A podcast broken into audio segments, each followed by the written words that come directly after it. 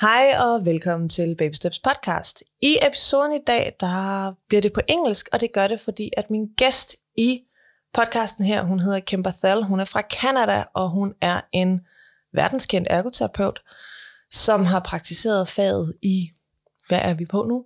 33 år har hun været i gang med faget. Hun er en ergoterapeut, der arbejder med børn, og derudover så er hun uddannet inden for neuro... Øhm, oh, okay, det forsvandt lige for mig der.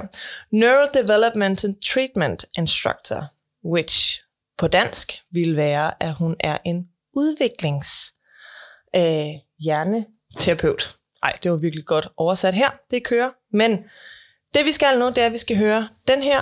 Så vil jeg indskyde, imens jeg snakker her, at kan man ikke, er man ikke så stærk i engelsk, så er det også okay. På et tidspunkt, der kommer den på YouTube. Jeg skal nok sørge for at larme en hel masse om det. Når den er på YouTube, så sætter jeg undertekster på, og så er der mulighed for, at alle kan følge med i de kloge ord, som Kim hun siger.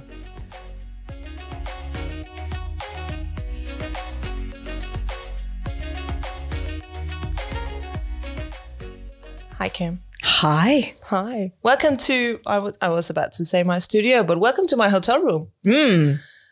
So, A very big honor to have this conversation with you this evening. I think the honor is all mine. So, we are going to talk about regulation. Hmm. And I will just make a short in Danish. We are talking about samregulering. We will talk about how we as therapists are needed to be in tune with our clients, but also how the interpersonal relationships between our clients and their parents, Hmm. and how the parents often becomes the clients also. So, Kim, would you care to enlighten us about the the most important factor you think in regulation of nervous systems? I think it begins Mhm. with understanding what is this word regulation mean? Yeah. And it is often misinterpreted. People often think when a person is regulated, that means they're calm. Yeah. or that it means that they are controlled or contained. Yeah. And in fact, regulation really means that I'm connected to myself, that I am able to feel and sense and experience my own being. Exactly. This is a lot to do. And a lot of our clients do not have that connection to themselves. For a lot of different reasons. Mm. perhaps the way you are designed, if you are differently wired, Yeah. the way that your brain and your being experiences yourself or the world hmm. can be a different, sometimes disconnected way of experiencing life, Yeah. which makes it hard to identify my own feelings, to be able to speak them, Yeah. To be able to use them, to tolerate them. And sometimes we have difficulty with this modulation of ourself because of trauma. Yeah. Experiences that we might have in our growing up that leave us separate Yeah. from our authentic experience of life. Exactly. And I think a, a great thing to add is that we are learning Yes, to be regulated throughout our life. that's for sure. But for our babies and for our little ones and our slightly bigger ones, they need a lot of help to regulate themselves. Yes. And that in order to regulate themselves, they need another nervous system hmm to help them. And what happens if the nervous system that you are going to regulate after is overwhelmed or in distress? Yes. How do you regulate then? I think that this awareness can feel daunting. And one important thing to remember is biologically, Mm. we have the hardware. Yeah. We have it in us to find a template from another being. Sometimes that being is a horse or a dog. They have nervous systems They have too. nervous systems too yeah. that we can recognize as safe, Okay. that we can recognize as being available to us. Because in this neural meeting place, we want to be seen, Yeah. felt, and experienced by another. We are wired this way. And our chemistry in our brain and our body lights up when Mm. we find these experiences. When we connect. Yes, So we are wired to connect to each other. we are. Exactly.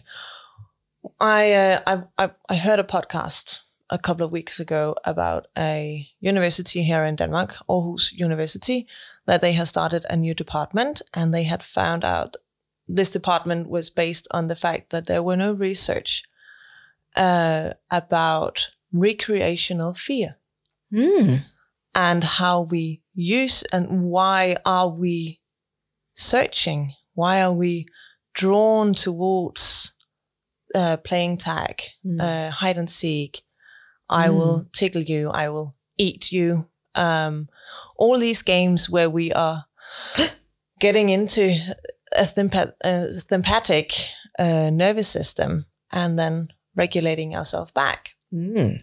And I, I think, please correct me if you think something else, but I think uh, that what they need to take into consideration would be the polyvagal theory, for Mm. example, and our nervous system's desire to go in and out Mm. of sympathicus, parasympathicus, Mhm. regulating itself, that we are actually, yeah, the most regulated when we are keep going in and out Mm. so that we are ready to be alert.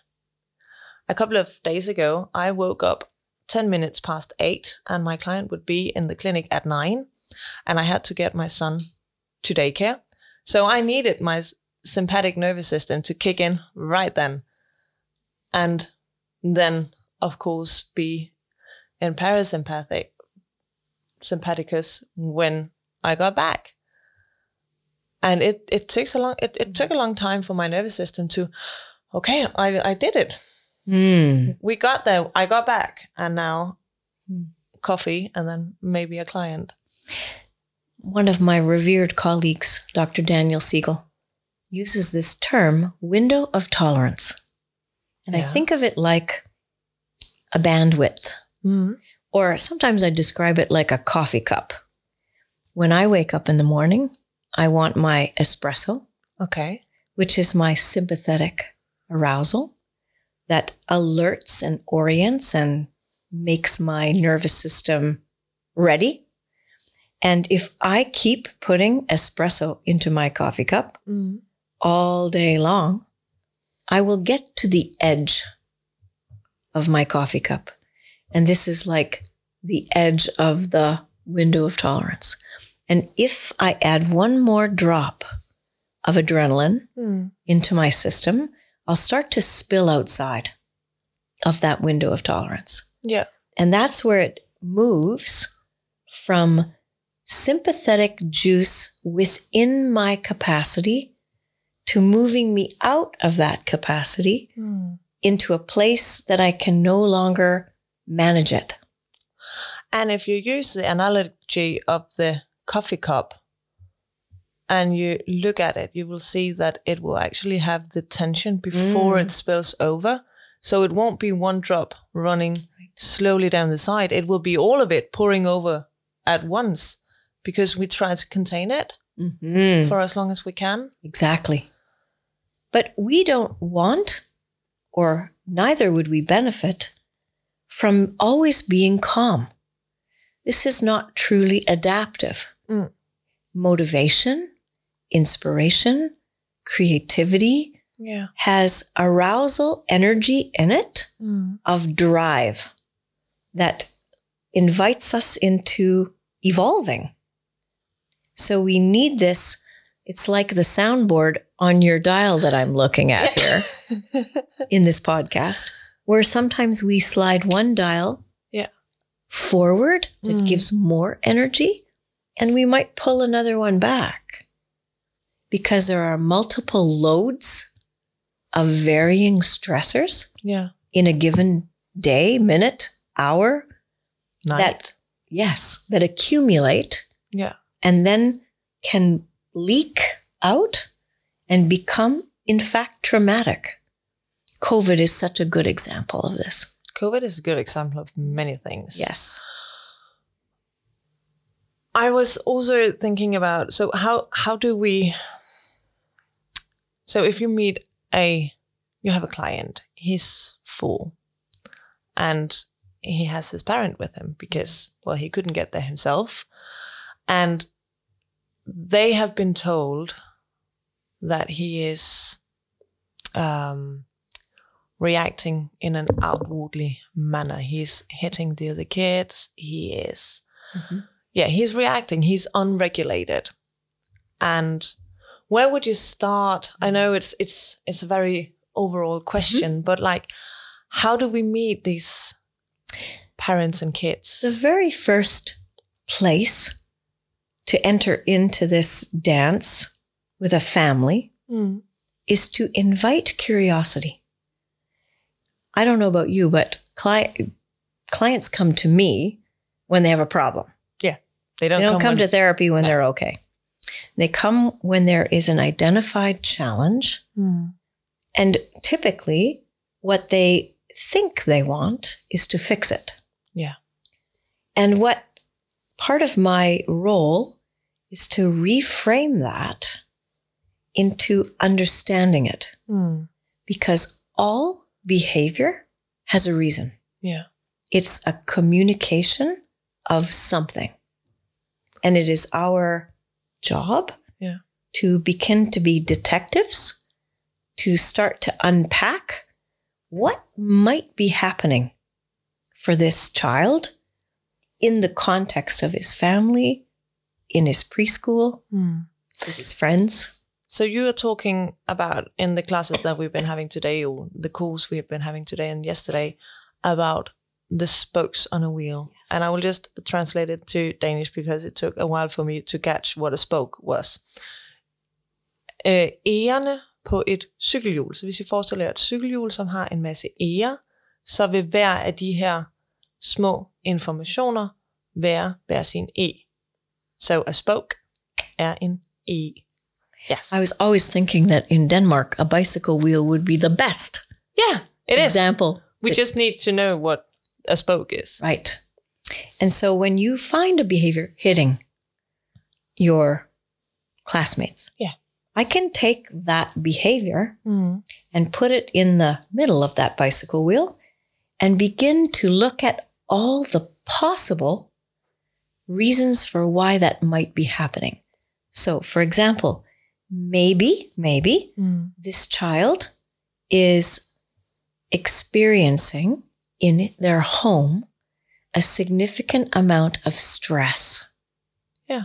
That there is too much stress in the lives of the people in the house, Yeah. work and life and COVID and Sports Grandma- activities just Yes. after starting school and yeah. that these stressors Mm. they translate into what we call fight or flight or immobilized fear, Mm. a freeze. yeah. And when you see fight, it really means there's fear. Yeah. That there's a stress in the system. So whenever I am observing aggression, I don't interpret that behavior as negative. I see it as information that's communicating to me Mm. that something's not okay in that child's inner life Mm. and that they are setting me up to feel what they feel. That through their actions, Yeah. they're communicating to those around them Mm. this is where this is my life in here. Yeah. And I want you to feel that with me. Yeah. A lot of the kids that come into my practice um, are preschoolers, uh, børnehavebørn, and they are often, the story is that they hit the other kids or they bite them or they are, yeah, reacting towards them. And when we dig in, we can, that we can see that they are only hitting the other kids and only the ones that are the same age or younger or animals. They are afraid of dogs and they feel comfort in presence of adults. And often we interpret this as being because they know they can foresee what the adult will do and they cannot with the kids. So it's better for them to be on forehand and then hit them first. Ish. Mm-hmm. And one of the kids I had, he was like, his motor skill were through the roof. He was four, four and a half, and he were able to do all sorts of things. And then I asked him to lie on his back and do the uh, starfish pose. And then I tapped on his left arm and right foot and asked him to come together and touch a ball. And even though I had touched them and giving him a tactile cue, he had to look for his hand and his foot to activate them in the slow manner because he could move fast and he can climb the walls and swing the swing and everything, but he could not do this simple simple task from a backline position in slow motion. And I was like, how is this kid functioning if we take the pace out? Mm. So he is in alert, and that's what gives him his motor skill abilities. But he's not able to do the same things in a relaxed Mm. or in a slow position. Does that make sense? I love how you describe that. And there are many parents that I think when they hear how you just took those pieces apart Mm. will go, wow, this is enlightening because I can see my child do all these things and yet there are missing pieces that they can't do. yeah. And this is so difficult to understand when you don't have these detailed analysis skills that we went to school for a long time to learn. That really allows a parent to see their child through a different pair of glasses Mm. and moves them out of judgment, disapproval, disappointment into compassion Mm. and connection and empathy that can turn the whole relationship around once you begin to understand this rationale Mm. for what is going on for my child. So, this is the t- detective work that we're talking about that really helps get this process started. Not necessarily even fixing it. But beginning to appreciate its reason for being. Shifts parents' ways of connecting to their children, which then actually fixes it. Exactly, because they are now being met. Yeah. And you were talking about yesterday um, about this how are we moving on from one emotion to another or from one state to another? And I would love if you would elaborate that for the listeners. when we think about, or when I used to think about self regulation hmm. of myself, hmm. I had this belief 10, 15 years ago that that meant that I needed to be contained, regulated, available, present. I wish you could see my face as I'm talking about this all the time, which is impossible yeah. and actually genuinely inauthentic. Yeah, you wouldn't trust a person who never showed any emotion Right. because that would be a psychopath Yes, it would be or a sociopath. very difficult to truly connect with someone of that nature. And so, what I have learned from being a, someone who studies the brain Hmm. is that what true regulation requires is to feel what you feel. Whatever it is. Mm. That it isn't this mental shift of states, it is a true sort of embodied Yeah. feeling of whatever it is is happening for you. So, for example, uh, I came, I've been wanting and excited to come to Denmark for three years That's a long time. and to give this course. We've been planning it for a long time. And two weeks before the course, I seriously hurt my back. Yeah. And this put me into, you know, here we are worried about COVID. I never thought I would hurt my back. And I felt angry. Mm. I felt disappointed in myself.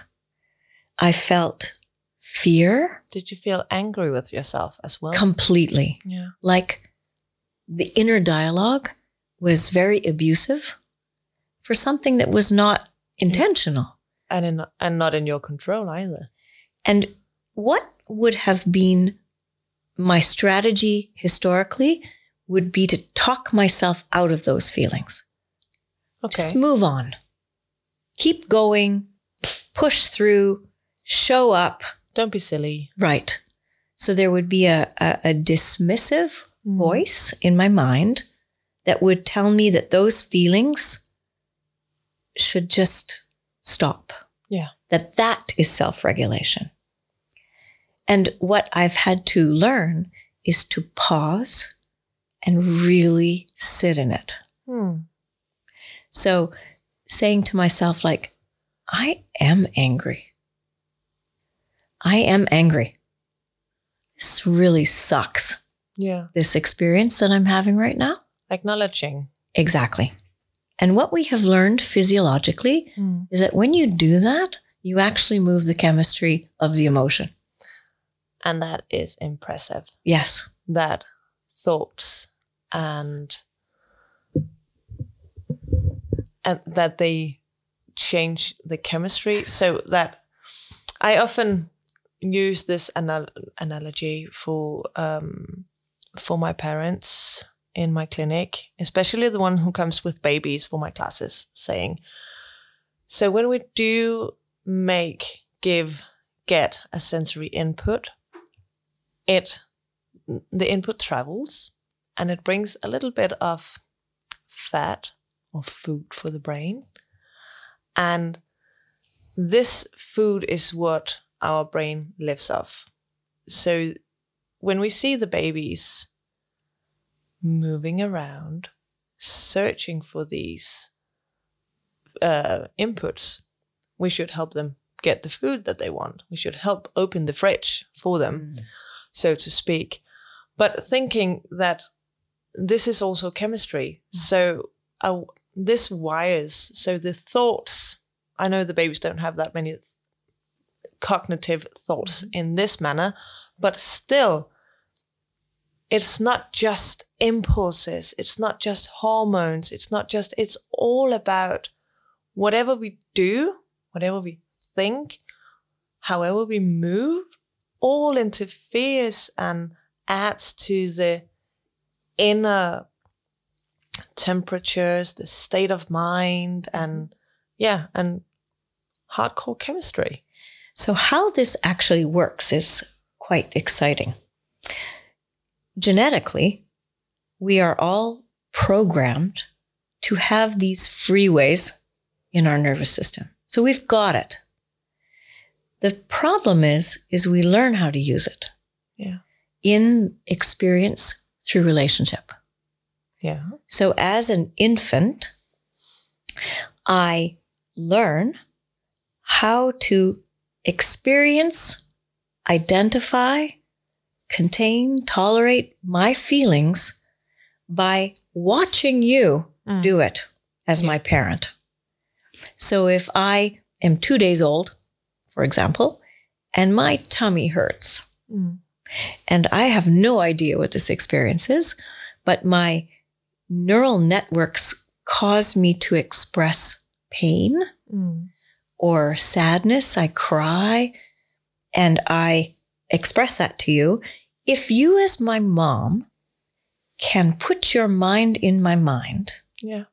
and go, oh, "S- your tummy hurts, or oh, you look really sad.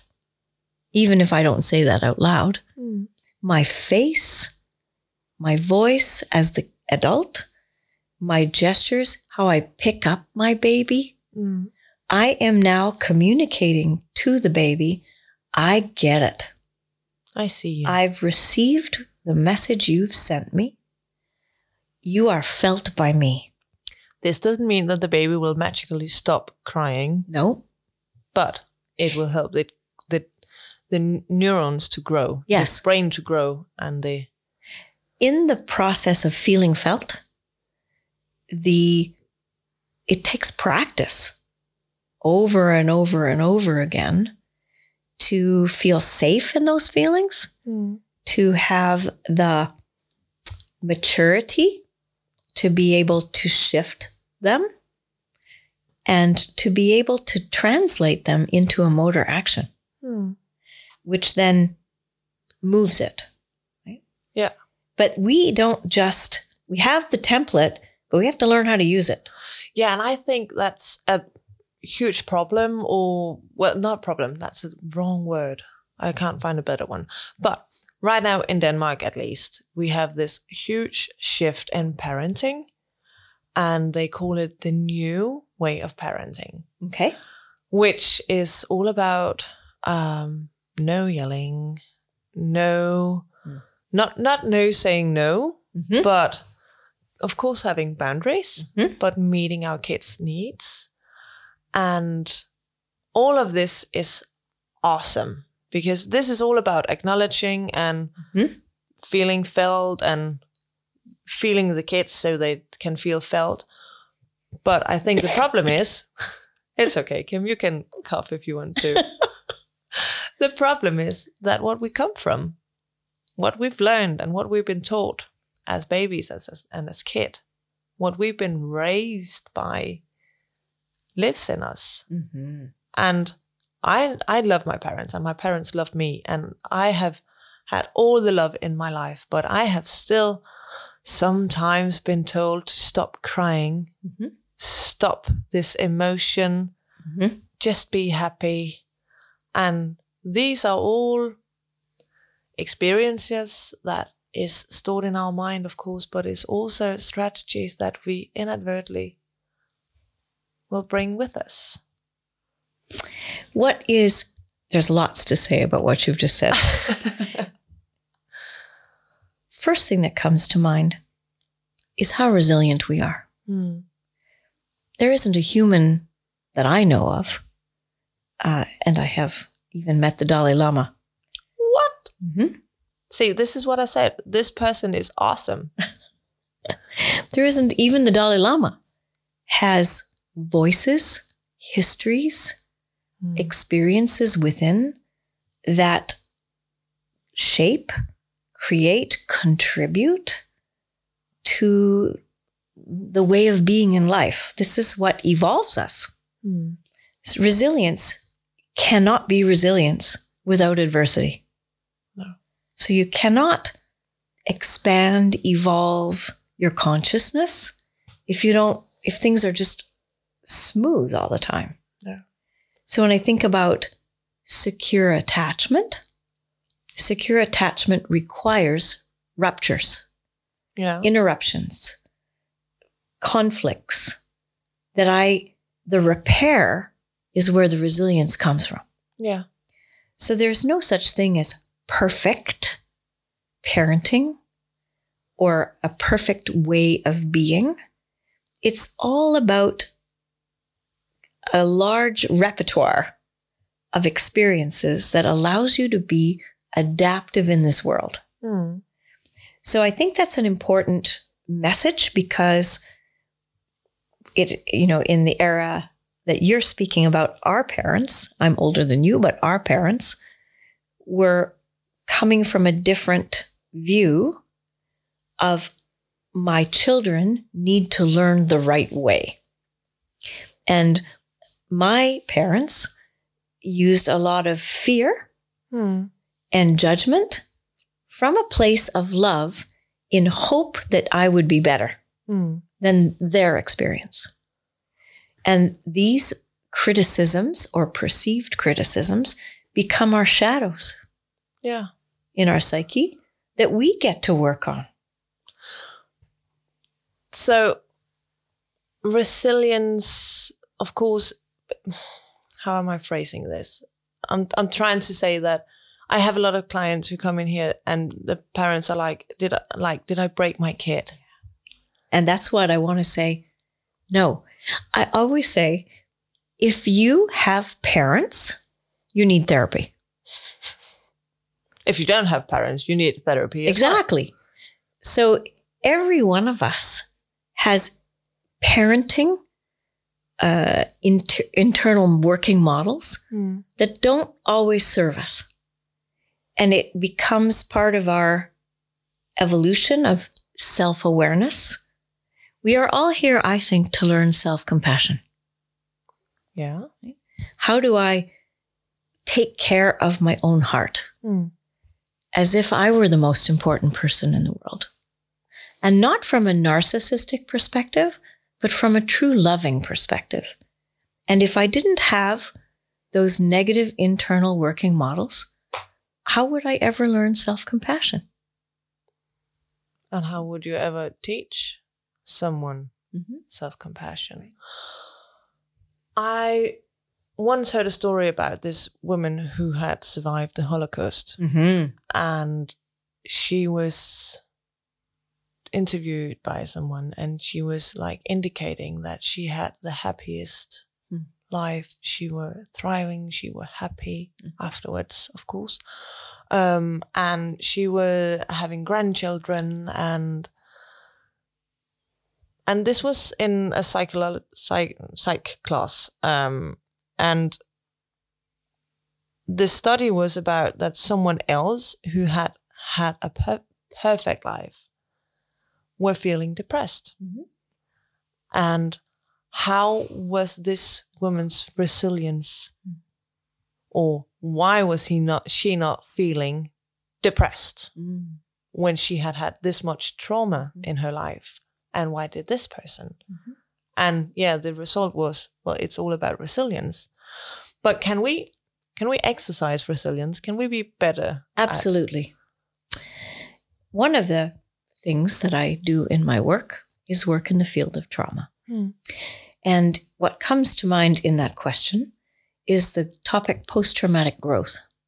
yeah We talk a lot about post traumatic stress disorder. Yeah.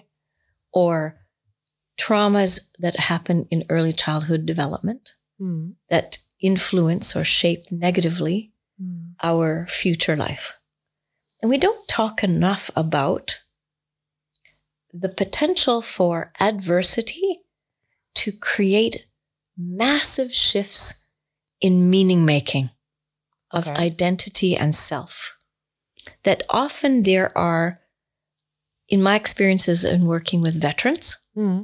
who've come back from war, sometimes it embarrassedly, many of the veterans share stories of, I'm going to say it, euphoria yeah in the most horrific experiences you and I could imagine. And they can't make sense out of why they would feel bliss Hmm. in horror. And what we get to is you survived. You may have murdered someone in defense of your own life, Hmm. But you survived. And in those moments of sitting with another in that story, Mm. you can see the change in their entire being. Yeah. And this, it's like taking your mind and turning it upside down. And often this generates things like purpose. Hmm. People find new hope for life. They feel life in a richer sense. Their gratitude expands. They step into every day from a place of, I'm alive Hmm. that when they look back in their reports, this adversity made that illuminate itself. That would not have been possible. Now, I'm not saying everyone needs this kind of trauma to evolve. Everybody needs to go to war. No, that's not what I'm saying. No.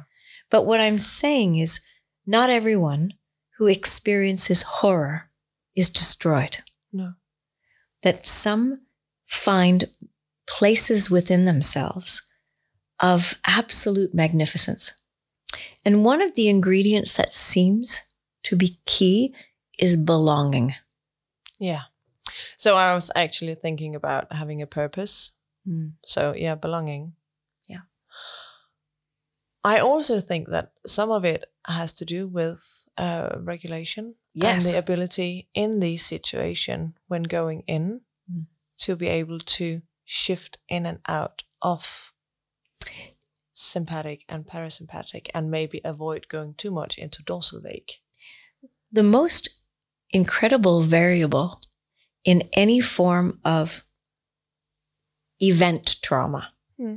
So, event trauma would be war, uh, an earthquake, a car accident, a rape, event trauma. Mm. The research and my personal experience tells me that the number one variable that prevents post traumatic stress dorsal vagal shifts Mm. is who's there at the time of the trauma Yeah. and how they are able to meet you in your experience. Yeah. So that if there is a person there Mm. who gets it, who is present, who is capable of holding space for your experience, has a profound impact Mm. on the legacy of your nervous system's memory of that experience. Yeah. Okay, I will share a short story, and it's not about kids, it's about myself, and it's about this with events and who to regulate ag- against, I was about to say, but through. I worked as a lifeguard Mm. and in, in a swimming pool, and um, I was working with the the bouncing and the some a, a girl was jumping and doing a somersault, though she only rotated halfway around, so she landed on her back on the water, and I saw it, and I had contact with her when she came up, and she was like, "Breathe." She couldn't breathe. She had kicked all her air out of her lungs and she was in five meters deep water. So I called over the radio. Uh, we had this call alarm, alarm, alarm. And then I threw the uh, radio behind me and I jumped in to get her. And her friend were swimming out and she was actually trying to get her in. The friend was already in the water, but she was swimming towards the edge where you couldn't get out of the pool because she was in stress too and just trying to do something and not having the overall view of the layout. And I got her and I got her out of the pool and I was uh, trembling. Yes. I was just so much adrenaline going through my body because she she was okay by then. She had caught her breath and she was on safe ground and everything was okay. She was with her friends and one of my colleagues came slouching, walking in. Did you call an alarm? And the radio had fallen in the water. And he was like, Remember next time to not let the radio fall in the water because we couldn't hear what you were saying. And I was still there, trembling. And I was like, This is not the time and the place to do that. Let's talk about this afterwards. And this situation is still with me. Mm. I can still like sense The activation the activation in the story. and the stress from him. It wa- it was even more stressing that he came around the corner and just looked at me. Mm. What happened? Then the actual going in the pool. What's interesting for me is as I watch you tell this story, uh, none of your listeners can see you, but I am watching your pupils dilate Mm. as you tell the story. I'm watching your shoulders elevate, come up towards your ears. These kinds of experiences live in us, live in our body. Mm. And when we connect to the thoughts of the story, we are there. Yeah. And this is the power of the fight, flight, freeze, adrenaline in the body in connection to a relationship, in connection to an event. Yeah. That is like, I call it a shadow, sits in us and can be triggered in the future. You might be, I don't know, on a bus and some guy might walk in shuffling in the same way that you've just described, having his own preoccupation and look at you, and you might be right back there Yeah. in this situation that is very different, Yeah. yet feels the same to your implicit memory. Yeah. Smells the same. Mm. Perfumes are Mhm. like big triggers. Yes. And this, of course, this is a, a traumatic event of some sort, especially for her. Um, but this is just a, a, a small event that I can recall Mhm. so vividly. And our kids and the adults that we work with in our clinics have a number of all of these little events stored and Mhm. as part of their story, maybe not even knowing that it's a part of the story, or maybe not even realizing that that one time where your son, who's three, got lost in behind a rack in the aisle in the supermarket. What impact does this have on him next week or the week after or in the three years?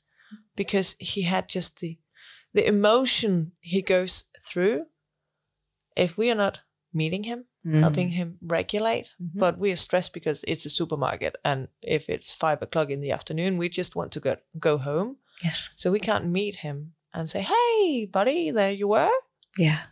But it's like, "Oh, there you were." Yes. And when they come in three years later, Mm.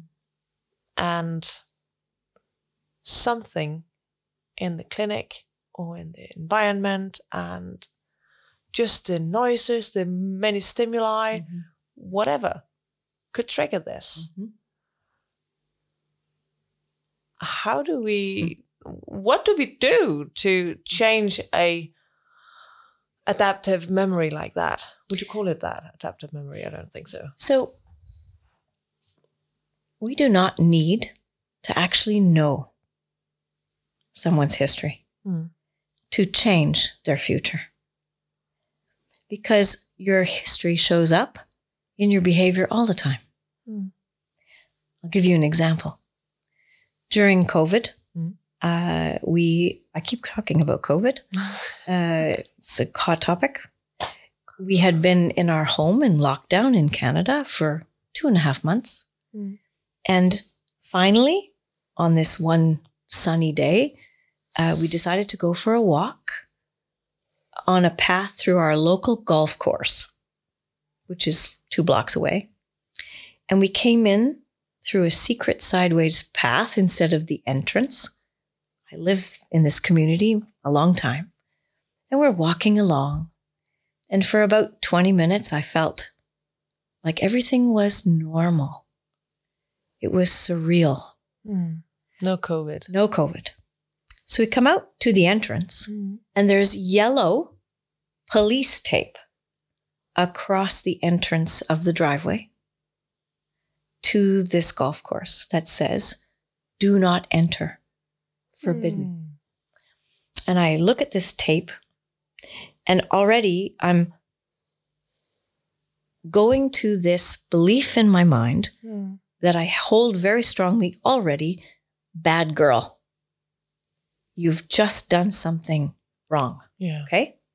So there's the dialogue kicks in as fast as a breath. Then there is a lady in her 80s with her tiny little dog standing beside this yellow tape like a soldier. And she starts screaming at me. Hmm. What are you doing? Can't she's swearing like a sailor, as we say, and she's in her 80s about in with rage. How could you be so stupid? Don't you read? And What the it- heck are you doing? she This sounded like the voice in my head. Hmm. So my history showed up in a millisecond in the way that I experienced her. And I have enough wisdom and history of knowledge to recognize that she was showing up from her history. Hmm. Now, I happened to be walking with my husband who did not show up from his history. He saw, he did not plug in to a script in his mind. He stood with her and he said to her, This is really hard, isn't it? Yeah. This whole experience is so difficult for all of us. And because I had met her from my dysregulation, we were vibrating at dysregulation, Hmm. but he met her from a place of non trigger. Yeah. And I watched her entire nervous system shift down. Yeah. Diffuse. Yep. Her face softened, her shoulders relaxed. She picked up her dog Hmm. in her hands and she walked away. And I was, of course, understanding all the things that were happening. And it, it stayed so powerful in my mind of how fast we are activated. Hmm. And the best I could do in the moment was to come back to myself and take care of me. Hmm. It was not appropriate for me to be able to regulate her because my own work What going on? needed to happen. Yeah. Now we had the opportunity, this is our neighbor, to see her two days later in our grocery store. Hmm. She did not even remember No. that this had happened. She did not connect that this friendly face that she knows Hmm. was that person on that golf course, which then reinforced again this is history of her fear Hmm. that didn't even see Kim, was just this person, Just not strangers. following the rules. Yeah. Right. Endangering everybody Yes. by going in to society without masks and whatever we did Yes. or didn't do. Uh, Correct. But I think this description is so powerful. If I am in the grocery store with Mm. my child and I'm activated, it is often not realistic for me to always expect myself to be my best self. That I have those moments where I am going to screw up. But what I need to remember is in a parenting context, I can go back hmm. and say to my child, well, that wasn't my best moment. Let's try, let's reconnect here. And I may not use those words, Hmm. but that message comes. Or simply show the kid when you're ready. Mommy got upset. Yes. Or that was hard for me. Yeah. I didn't know what to do. I am very sorry I lashed out. I was overwhelmed, honey. Yep. That is my favorite words at the moment because sometimes I get very overwhelmed by Yes. running a clinic all by myself Yes. and also trying to be the best parent. And sometimes he does not want to get into the kindergarten in the morning. And or something has happened throughout the day or and this is also some of the things that we're talking a lot about me and some of the other clinicians who are here is we are spending so much energy on Mm. regulating parents and children throughout the day And people are like, oh my God, you must be the best parent. And I'm like, no. Because, first of all, it's quite easy for me to connect and regulate with this, who I do not have any history with. And second of all, I am on Mhm. right now. I am in sympathicus of Mhm. some sort because I am performing. Mhm. I am trying to talk with you parents about learning, teaching you that you are good enough and at the same time observing your kid what they are doing. So at the end of the day, I'm drained like Mm. everybody else. And I know that when I ask of you to do some exercises with your kid, that it will mean that you have to do extra work Mhm.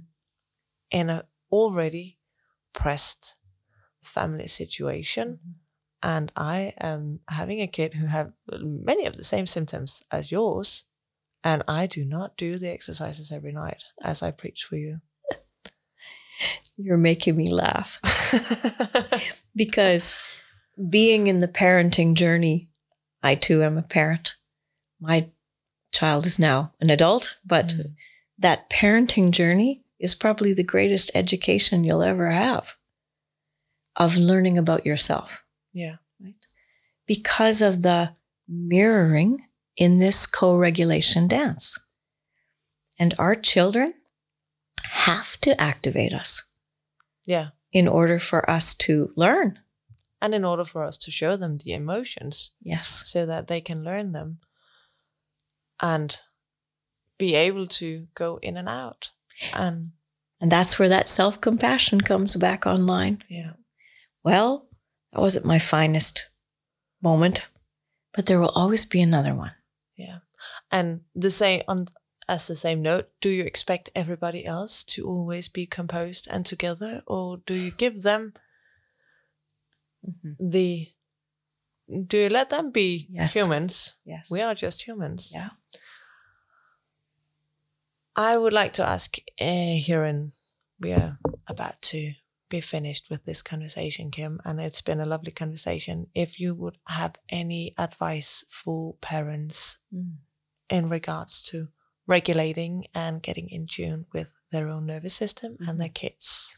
So I think this idea in a parent's mind is often that they need time for regulation.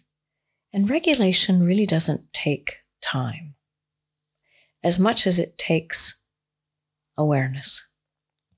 And that's a skill that you can practice. It's kind of like noticing, starting to become curious hmm. about yourself. And you might be washing your dishes and your mind has two things going on the action of doing the dishes, but there's another side of you that's watching yourself, noticing what you're feeling. "Hmm, I'm tired right now. Hmm, I'm distracted right now. Hmm, I'm peaceful right now. Mindfulness. Hmm. This is a powerful form of regulation. So identifying them within yourself, Yes. saying them to yourself, Yes. And maybe saying them back to your kid Yes. or in front of your kid, Yes. right? Being a narrator or your partner, or your partner. And your breath. yeah. Powerful tool Hmm. of changing the dialogue in your parasympathetic sympathetic nervous system and you get to take that with you everywhere Yes. and when Please you take your breath yes with you. and when you lengthen that exhale Hmm. You accentuate that down regulation towards more balance Hmm. and so that conscious breath can really help bring you back to yourself Yeah. when you feel like, oh, I'm not feeling safe in my own authentic being. Yeah. And this one you could also use instead of asking your kid or your partner how you're doing Yeah. or what's happening. Just help them breathe. You've been doing it for the past couple of days whenever someone has been getting the microphone, having a, co- a comment, or asking a question, the person has been going into sympathetic. Mhm. sympathetic. Okay, this word is gone for me now. They've been very nervous. Yes. And you have been, I've observed you, you've been standing up there, breathing slowly in and out, just trying to connect through the distance Mm. and helping everybody relax and Hmm. and we can do the same with our kids without using any words whenever they are hurt Beautiful. on the inside or the outside right Yeah. perfect kim i just have one last thing to say if you want to know more about kim Mm. you can go to her website which is kimbarthel.ca Mm. It's in English, so you have to be able to read in English to understand anything. But it's quite informative, and you will get a better understanding of what is it that Kim does and who is Bob, because Mm. Bob is awesome, by the way. Thank you. And um, I hope you enjoyed the podcast. I hope you will go follow Kim and whatever she's doing with her praxis and all of her kind words Mm. in the world. Thank you for being here, Kim. And thank you for this enlightening conversation this evening. And to all of you out there, thank you for listening.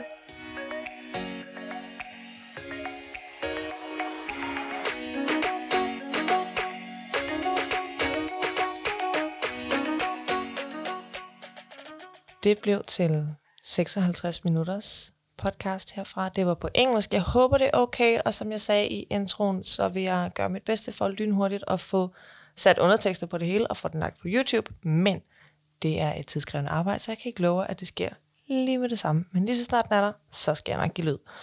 Jeg hedder Anne Jeg har Baby Steps podcast her, som er en podcast om ergoterapi og børn, og du finder meget mere om mig på min Instagram, som er babysteps.dk, eller på min hjemmeside www.baby-steps.dk.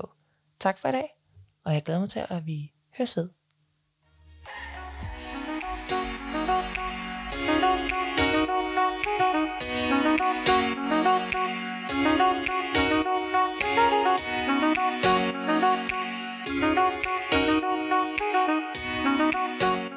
you.